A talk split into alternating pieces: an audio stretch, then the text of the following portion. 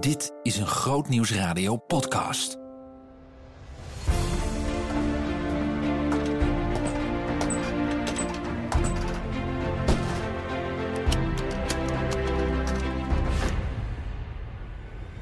prikkeldraad, schijnwerpers, uh, honden, grensbeambten. Toen bleven Paul en ik achter bij die 3000 bijbels. Uh, in zo'n winterjas waar zo'n 60 bijbels in konden worden verstopt.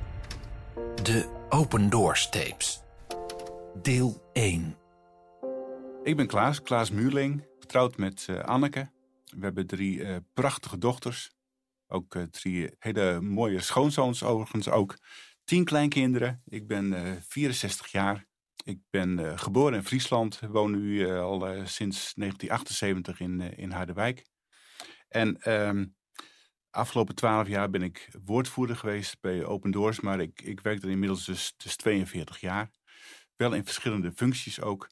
En ja, wat ik bij Open Doors heb meegemaakt, dat had ik nooit durven dromen. Echt niet, echt niet. Het was heel bijzonder. In ons eerste jaar van ons trouwen baden Anneke en ik van Heere God, waar wilt u ons hebben? We werken nu bij een bouwbedrijf in, in Bolsward en, en ik bij een machinefabriek in, in Sneek.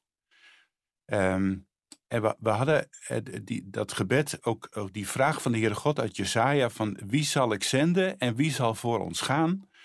En dat Jesaja zegt, um, hier ben ik Heer, zend mij. En dat was de vraag. En op een gegeven moment kregen we, ja moet je nagaan, in die tijd had je geen mobiel. Je had geen internet. En kregen wij uit drie verschillende hoeken een vacature uh, gepresenteerd. Vanuit familie en vrienden. Uh, bij Kruistochten, zo heette Open Doors toen nog in die tijd. Voor een assistent boekhouder. En laat ik nou bezig zijn met een studie voor uh, boekhouden. We hebben erover gepraat, we hebben ervoor gebeden. Toen besloten we, ik ga een brief schrijven. Het mooie was, de volgende dag uh, kreeg ik al een telefoontje of ik alsjeblieft wilde komen. En dat ervoeren wij als een bevestiging dat dat de goede weg was voor ons. Toen moesten we dus verhuizen van Friesland naar Gelderland. Maar ja, het, het probleem was, er was helemaal geen woning voor ons in Harderwijk of Ermelo. Dus de enige optie was voor ons om in een uh, te gaan wonen, uh, die uh, toen nog beschikbaar had voor couriers die naar Oost-Europa gingen. Die moesten soms even een, nacht ergens slapen. En dan konden ze in een staakerven van, van Open Doors. Uh, daar hebben wij dus een aantal maanden gewoond met onze kleine dochter. Maar ja, uh, je hebt, vooral als je al een, een, baby hebt, heb je op een gegeven moment wel aardig wat spullen. Um, en die konden we nergens kwijt. En gelukkig konden die in de opslag bij kruistochten. Uh, en op een gegeven moment kwam een vrachtwagen dus de, de camping oprijden om allemaal spullen voor onze caravan neer te zetten. En mensen om ons heen die dachten dat wij op straat waren gezet, want we hadden heel veel spullen en dat is abnormaal voor, voor zo'n staakerven. Zo begon het allemaal.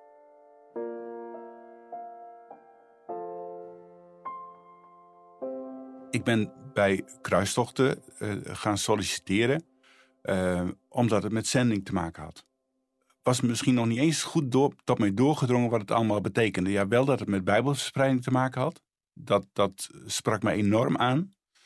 Um, maar ten diepste had ik denk nog helemaal niet goed door wat, wat het eigenlijk allemaal inhield. Elke dag kregen we natuurlijk te horen van couriers uh, hoe eh, ze hun opdracht hadden vervuld. En dat ging vooral uh, in alle gevallen bijna goed. Um, dus er waren geen verhalen van arrestaties of, of, of, of, of zulke soort dingen. Maar spannend was het wel, want ook de monteurs in de garage die uh, bij ons op kantoor. Uh, daardoor konden we overigens nooit gasten ontvangen op kantoor vanwege alle geheime werk. Omdat uh, campers, caravans, die werden dus naar ons toe gebracht. En dan ergens werd in zo'n caravan of in zo'n auto een, een, ruimte gebouwd waar bijbels konden worden verstopt. Soms in de vloer, soms in het plafond, soms in de zijwanden. Ehm, noem maar op, wat voor plek dan ook. En uh, dat lag dan niet voor de hand om dat open te kunnen maken. Bijvoorbeeld bij één auto moest je een inbussleutel ergens in de vloerbedekking steken op een bepaalde plek waar een klein gaatje zat. En dat, dat, dat kon niemand zien. Dat, dat alleen als je het wist, kon je die sleutel in de, in juiste uh, plek aanbrengen. Uh, en dat werd allemaal bij ons uh, bedacht. Waar we elke dag mee bezig waren, was inderdaad een, een soort spannend jongensboek. maar wij zagen het vooral van, ehm, wij willen, wij willen God vertrouwen om dit werk te kunnen doen, om mensen in nood te helpen. Die, hun, hun vraag naar de Bijbel was zo sterk, um, zo schrijnend, dan moesten we gewoon iets aan doen. En het was uh, voor de teams ook en voor mezelf later ook uh, steeds weer opnieuw een, een, een, het vertrouwen uh, op God. Want we wisten, en dat zeiden de, mijn collega-monteurs, die zeiden dat ook. wij kunnen nog zo ons best doen met geheime ruimtes aanbrengen en zo. Maar we weten dat aan de grens mensen psychologisch getraind zijn, die kunnen dwars door je heen kijken. Die, die weten precies of iemand iets te verbergen heeft of niet. Of iemand zenuwachtig is of niet. Um, en we hebben gewoon de hulp van boven, van, van God nodig, om dit werk te kunnen doen. Anders redden we het echt niet. Dus de afhankelijkheid van God, die was gewoon heel sterk. Overigens, nog steeds. Maar, uh, dus daar had ik elke dag mee te maken. Uh, ja, en toen komt uh, de directeur naar mij toe, na drie maanden werken. En die zegt, Klaas, het, het, is nou wel wat. Er is een koerier ziek geworden. Maar er moet met spoed een team naar Roemenië. Um, ben jij beschikbaar? Ik werkte dus nog maar amper op kantoor. En toen kwam dus al die vraag. We hebben het er samen over gehad, en uh, Anneke en ik. En uh, ik heb ja gezegd. En ja, uh, je hoort natuurlijk allemaal uh, bijzondere verhalen van ontmoetingen en zo. En dat, ja, dat, uh, dat, dat prikkelt, dat, dat maakt nieuwsgierig. Maar ja, ik vertelde net dat ik die, die wereldreis had gemaakt van Workum naar Ermelo. En toen moest ik ineens twee keer 2000 kilometer gaan rijden. en toen ben ik met collega Paul op reis gegaan.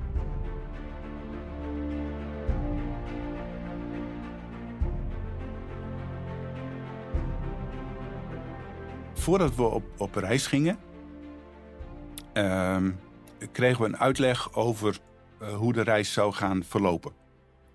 In ons geval zouden we geen, zelf geen Bijbels meenemen, want we gingen een vrachtwagen ontmoeten, uh, door een, een collega bestuurd, die we op een geheime plek in Roemenië zouden gaan ontmoeten. In die vrachtwagen zaten 3000 Bijbels verstopt in eh, pakketten van uh, ja, 40 bij 40 bij 40, zoiets. In plastic verpakt. En die zaten verstopt in die vrachtwagen. Onze missie was om met een uh, Opel Record in twee of drie dagen tijd naar Roemenië te, te rijden. onze opdracht was om dan eerst de christen op te zoeken en dan ehm, met ze te praten hoe we met de aflevering uh, zouden gaan. Maar wat, in onze voorbereiding was het dus zo, we kregen een uitleg over de reis, over de route. Uh, we moesten die route uit ons hoofd leren, we moesten adressen uit ons hoofd leren. Want voordat we Oost-Europa binnenreden, moesten we alle instructies verbranden. we moesten ook goed checken dat we geen pennen van kruistochten bij ons hadden of een, een, een, een blad of een sticker of wat dan ook eigenlijk eh, namen we niks christelijks mee. Ook onze eigen Bijbel uh, lieten we volgens mij thuis, zodat er niet aan ons te zien was uh, dat wij christenen waren. Want dat zou misschien grensbeambten weer op ideeën kunnen brengen. Dus van tevoren wisten we wat we moesten gaan doen. En ja, toen gingen we op reis. En net voordat we Hongarije binnenreden, moesten we dus de, de instructies verbranden. Ik was uh, net 21 geworden. Ik was eigenlijk dus nog heel jong uh, toen ik op, uh, op reis ging. Ja, we wisten, we gaan naar een land waar de Bijbel verboden is. we wisten dat christenen gearresteerd werden, vervolgd werden, dat ze geen Bijbels hadden. Dat ze soms in een bos bij elkaar moesten komen. Of in het geheim ergens in een, in een boerderij. Um, dus het, het, was niet eenvoudig om Bijbels te gaan brengen. Uh, ik weet nog de, de grensovergang met Hongarije. Uh, je moest daar uren wachten prikkeldraad, schijnwerpers, honden, grensbeambten in uniformen, streng kijkend. En de grens met, met Roemenië. Wat daar gebeurde met mensen was, was gewoon heel erg. Dat grensbeambten mensen vernederden, vooral Roemenen die terugkwamen naar hun land. Dat uh, mensen stonden soms te huilen bij hun auto, want alles werd eruit gehaald. Zelfs de bekleding van auto's werd eruit gehaald. Uh, mensen moesten dingen inleveren, werden uitgescholden. En dat na uren wachten, hè, uh, zelfs met kleine kinderen en zo. Wij waren dus op reis gegaan met een auto zonder daar, daar Bijbels in verstopt. Want die zaten allemaal in die vrachtwagen waar die 3000 Bijbels in waren verstopt. En die waren allemaal voor uh, die contactpersonen in, in Shigeshwara. En um, dus met, we hebben met hun gepraat, uh, samen gebeden. En we afgesproken, de volgende dag, op die en die plek, in dat en dat bos, daar liggen de Bijbels voor jullie klaar. Dus de volgende dag ontmoeten wij uh, collega uh, Cor met zijn vrachtwagen. Die reed daar zomaar een zandpad in met zijn grote vrachtwagen en opleggen. Hoe die dat allemaal voor elkaar kreeg. En dat durfde. later hoorden we van hem ook wel dat hij soms klappertandend van de angst aan de grens stond. Want ja, als hij gepakt zou worden met 3000 Bijbels, dan zou hij gewoon jaren in de gevangenis terecht kunnen komen. Uh, we ontmoetten hem in een bos. We maakten ons even, of, of we, we, wilden gewoon zeker weten dat er niemand aankwam. En toen het helemaal stil was, snel de deuren open, snel de Bijbels uit dat geheime uh, vak gehaald. En later deden we dat nog weer anders met, met huurbusjes. Maar toen hebben we dus die Bijbels achter een paar struiken gelegd zodat Cor snel weer kon vertrekken met zijn vrachtwagen. Want dat is natuurlijk heel raar dat een vrachtwagen daar in een bos uh, stond. En ja, toen bleven Paul en ik achter bij die 3000 Bijbels. Ja, en dan stel je voor, stel dat er nu politie langskomt. En die aan ons vraagt van, uh, joh, wat doen jullie hier? Wat een eigenaardige plek om hier te zijn. Wat hebben jullie er eigenlijk achter die struiken liggen? Ja, wat moet je dan vertellen? Dan, eh, dan is de kans groot dat je gearresteerd wordt. Dus als je het hebt over spanning, ja, spannende momenten hebben we daar zeker wel beleefd. Met het uitladen, maar ook met daar wachten uh, bij die Bijbels achter de struiken. En na een, een poosje kwamen de christenen op de afgesproken tijd met een paar auto's. En die hebben toen snel de Bijbels ingeladen. En toen was onze missie volbracht. Maar voor hun begon het natuurlijk pas. Want voor hun was het extra gevaarlijk. Uh, omdat zij Roemenen waren. En als die gepakt zouden worden met Bijbels. Maar uh, dat wisten ze van tevoren. En toch eh, wilden ze dit werk doen. Want ze wisten hoe belangrijk de Bijbel was. Voor elke Roemeense christen, elke nieuwe gelovige uh, om sterk te groeien in, in, in het geloof en, en, en met God uh, te gaan wandelen. Het, het, het, het mooie was, uh, het waren mensen die ik nog nooit eerder had gezien. Maar meteen had, hadden we een klik. Want je herkende de Heer Jezus in elkaar. Dus dat is eigenlijk, ik blijf me erover verbazen hoe wonderlijk dat er is. Je hebt iets gemeenschappelijks, namelijk je geloof in, in God. Uh, je verlangen om de Bijbel te lezen, om te bidden. Uh, en dat, dat, dat zie je in elkaars ogen. En dat is zoiets moois. Uh, ik, ik, herinner me Psalm 133. ziet hoe goed en hoe liefelijk is het als broeders te samenwonen. Ja, die rijkdom, die, die herkenden wij in Oost-Europa als we mensen bezochten. En dan had je het over mensen van evangelische achtergrond, van kerkelijke achtergrond, van, zelfs van orthodoxe achtergrond dat was een, een, een, schat om met deze mensen gewoon te zitten. Niet alleen de vreugde van hun geloof, maar ook de vreugde dat ze eindelijk, eindelijk die Bijbels gingen krijgen.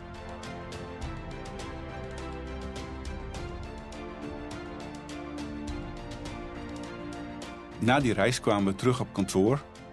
Ja, en dan kun je natuurlijk je verhaal doen en uh, vertellen over hoe wonderlijk het allemaal was verlopen. Uh, hoe de Heer, God gebeden had verhoord. En dat was uh, gewoon gaaf om, om met mensen die voor je hadden gebeden om, om dat verhaal te delen. Ook natuurlijk thuis met Anneke en ook met, met, met vrienden. Hoewel we toen in die tijd niet over de methodes en zo spraken, want dat was allemaal heel geheim. En toen kwam op een gegeven moment een hele bijzondere vraag. Het was ehm, heel moeilijk om Bijbels naar Rusland te brengen. Eigenlijk was het zo, elke Bijbel die er naartoe gaat, die telt. Al, al neem je maar één mee, zeg maar. Eh, die, die Bijbel wordt niet door één persoon gelezen, maar door een hele familie, bij wijze van spreken, of door een hele kerk. Het, het was heel moeilijk om Bijbels te gaan brengen in, in de grote getalen zoals we naar Oost-Europa uh, deden. Toen ontstond er een idee om uh, jassen te maken, winterjassen, om daar Bijbels in te gaan verstoppen. Dus niet in een auto, maar in een jas.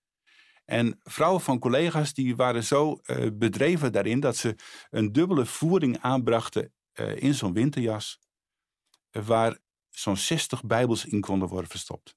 Zeg maar vanaf je schouder tot aan je knieën, als een, een soort harnas om je heen. Ik, toen ik met zo'n jas liep, liep ik ook een beetje houterig een beetje robotachtig.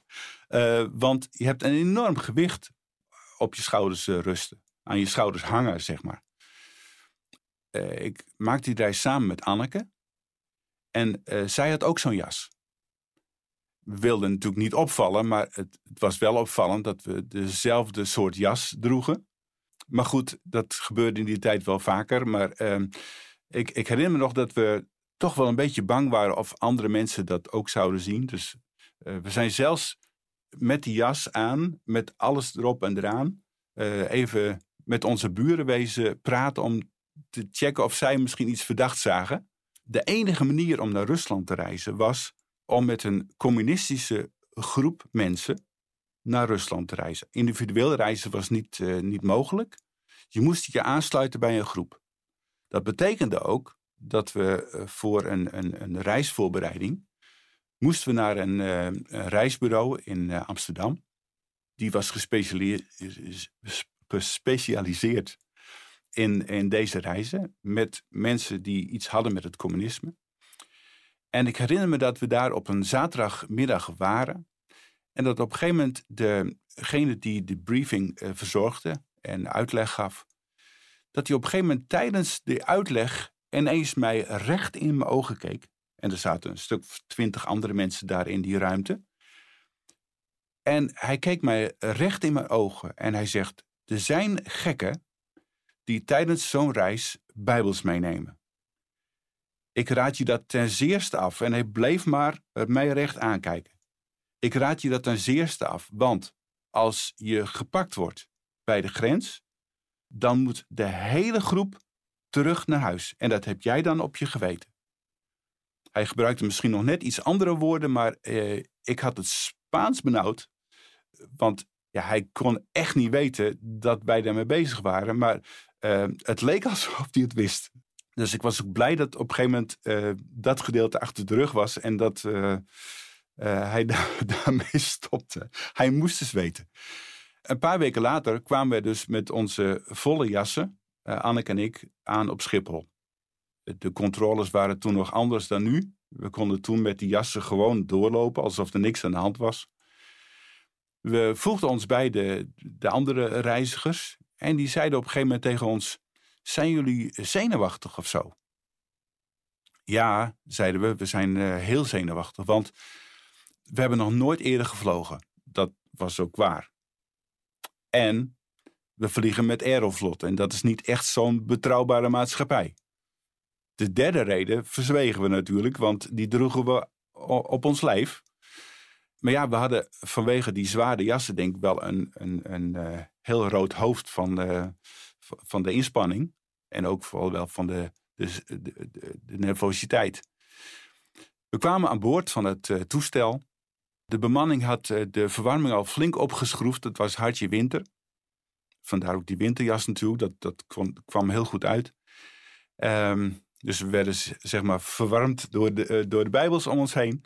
We kwamen aan boord en we wilden graag die jassen in die uh, bakken boven ons hoofd neerleggen. Maar ja, dat paste niet. Die pasten daar gewoon niet in. Die waren gewoon te dik, te groot. Gelukkig was er een stoel naast ons vrij waar ik uh, de, de jassen neer wilde leggen. Maar omdat het zo strak was ingepakt, bleven de jassen bijna rechtop staan. uh,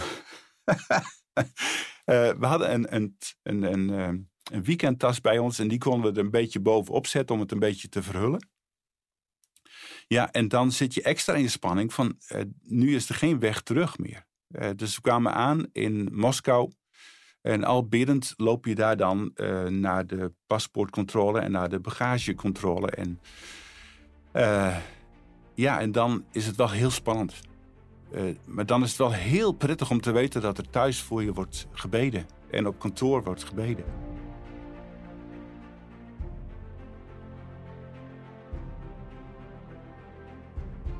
Aan de grens hadden wij gelukkig geen enkel probleem.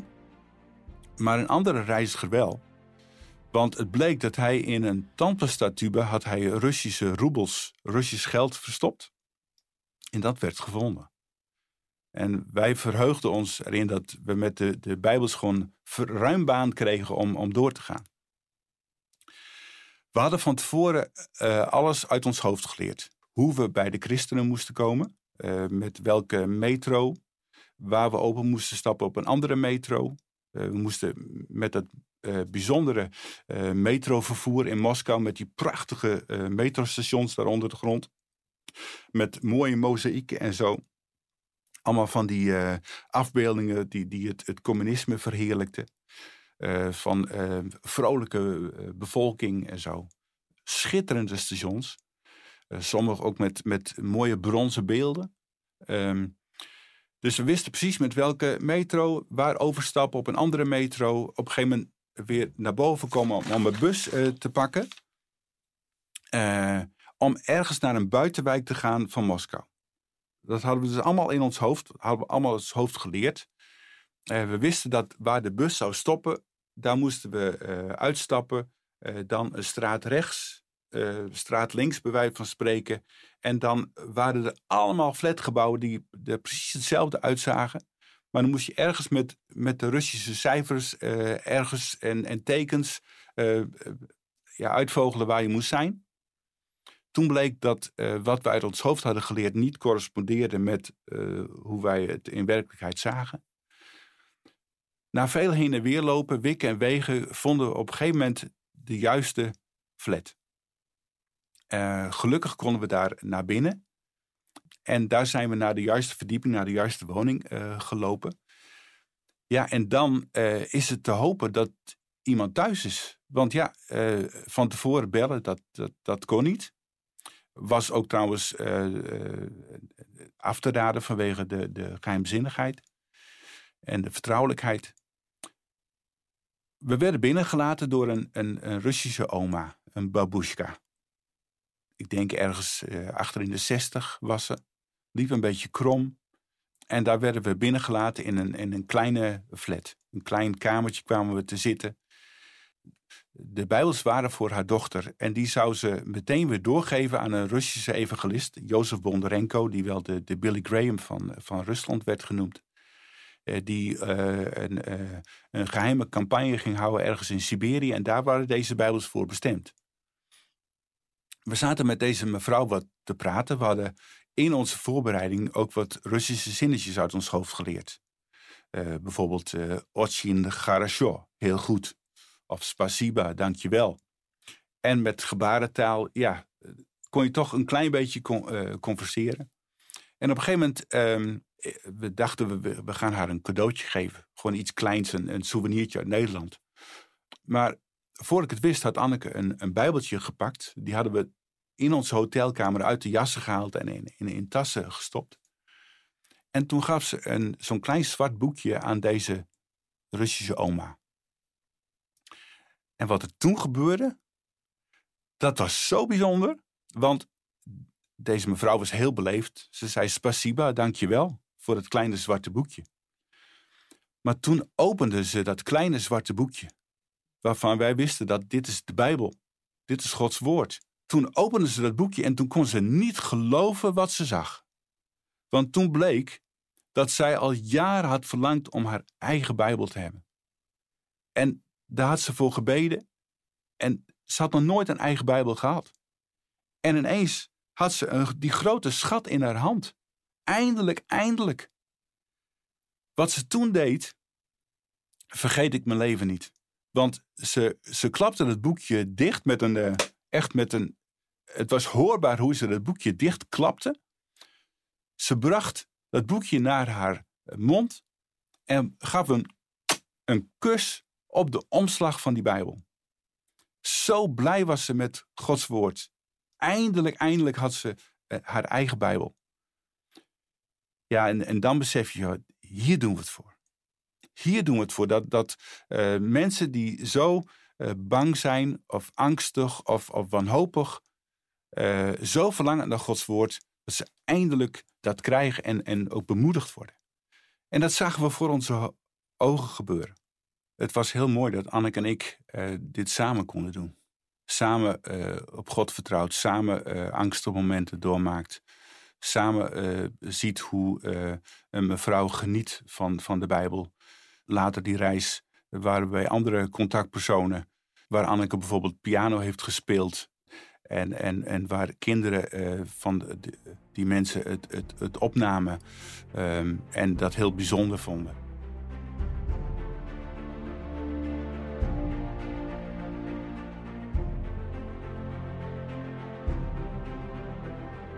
spanning was er elke reis. Um, en met name uh, toen Anneke en ik werden gearresteerd met Bijbels uh, in, in Rusland in 1986. Uh, met verhoren van KGB-agenten, de dreiging van gevangenschap, de dreiging dat je je drie kleine kinderen voorlopig niet weer terug zult zien. dat je van elkaar gescheiden wordt, noem maar op. Dus ja, angst is er zeker geweest. Maar de voorziening van God was er ook, ook in die momenten. En daar zou ik nog heel veel over kunnen vertellen. Maar het, het, het vertrouwen op, op God was, was en is heel sterk. Dat hij, daar geloofden we ook in, dat hij de deuren kon openen. Wij weten niks voor niks, open doors. Zelfs wat in de openbaringen staat, uh, dat uh, hij heeft een, een open deur gegeven die niemand kan sluiten. Wij namen daar geen genoegen mee dat een land zich wilde afsluiten voor het evangelie. Uh, en nog steeds niet. Maar angst is er zeker wel geweest. Maar de, de kracht van gebed, de kracht van God die daarboven uitreikt. En een collega die noemde iets, en ik denk dat dat een uitspraak is van Corrie ten Boom. God is gespecialiseerd in het onmogelijke. En dat, dat geloofden wij heel sterk. Toen en ook nu. Maar dat was iets waar we, wat ons erbovenuit haalde, zeg maar. Dat moest ook wel, want van mezelf was ik veel te angstig om zulke soort dingen te kunnen doen. Ook, ook het, het, het punt van uh, je bent één kerk, je bent één lichaam. En dat betekent dat je voor elkaar zorgt, dat je met elkaar verbonden bent. Dat, dat drong ons ook, zeg maar, die liefde van Christus drong ons ook om in actie te komen omdat onze medebroeders en zusters dat zo sterk nodig hadden. Dus uh, ik, ik leerde ook dat niet alleen de kerk waar ik naartoe ging belangrijk was, maar dat de hele kerk wereldwijd belangrijk was. En dat er heel veel verschillende manieren waren van, van geloof beleven. Protestants, orthodox, evangelisch, katholiek, uh, uh, noem maar op. Maar we vonden elkaar steeds in de Heer Jezus. En dat, dat geheim, ja. En ook het uitzien naar wonderen. Hoeveel we dat niet hebben gezien aan de grenzen. Dat uh, er bijvoorbeeld een muis over de grenspost uh, liep. En dat uh, grensbeambten schrokken of andere mensen begonnen te lachen. En dan was ineens de controle ten einde. de grensbeambten zagen in onze smokkelauto een, een kinderfietsje staan. Van onze dochter van twee die mee was. en dat gelijk de deuren gesloten werden die grensbeambte die een gat ging boren onze auto. We hadden niks te verbergen, dus laat hem maar boren. De ontmoeting met de christenen, de afleveren van... Moesten 3000 bijbels ergens afleveren. En het begon zo hard te regenen dat er niemand op straat was. Waardoor we onzichtbaar, zeg maar, uh, bij de christenen aan konden komen. Het is een, een, een, een, een oefening in, in, in godsvertrouwen om zulke soort reizen te gaan maken. Anne van der Bijl die noemde, noemt werken bij Open Doors ook een, een praktische bijbelschool. Het is hard werken, maar het is ook uh, leren om op God te vertrouwen. En dat tijdens die reizen leer je dat uh, heel snel.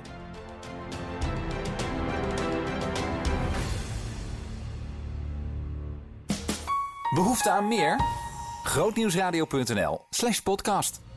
Wil je meer verhalen over de vervolgde kerk horen? Kom dan naar het nieuwe Open Doors bezoekerscentrum in Ermelo. Meer informatie? Ga naar opendoors.nl slash bezoekerscentrum.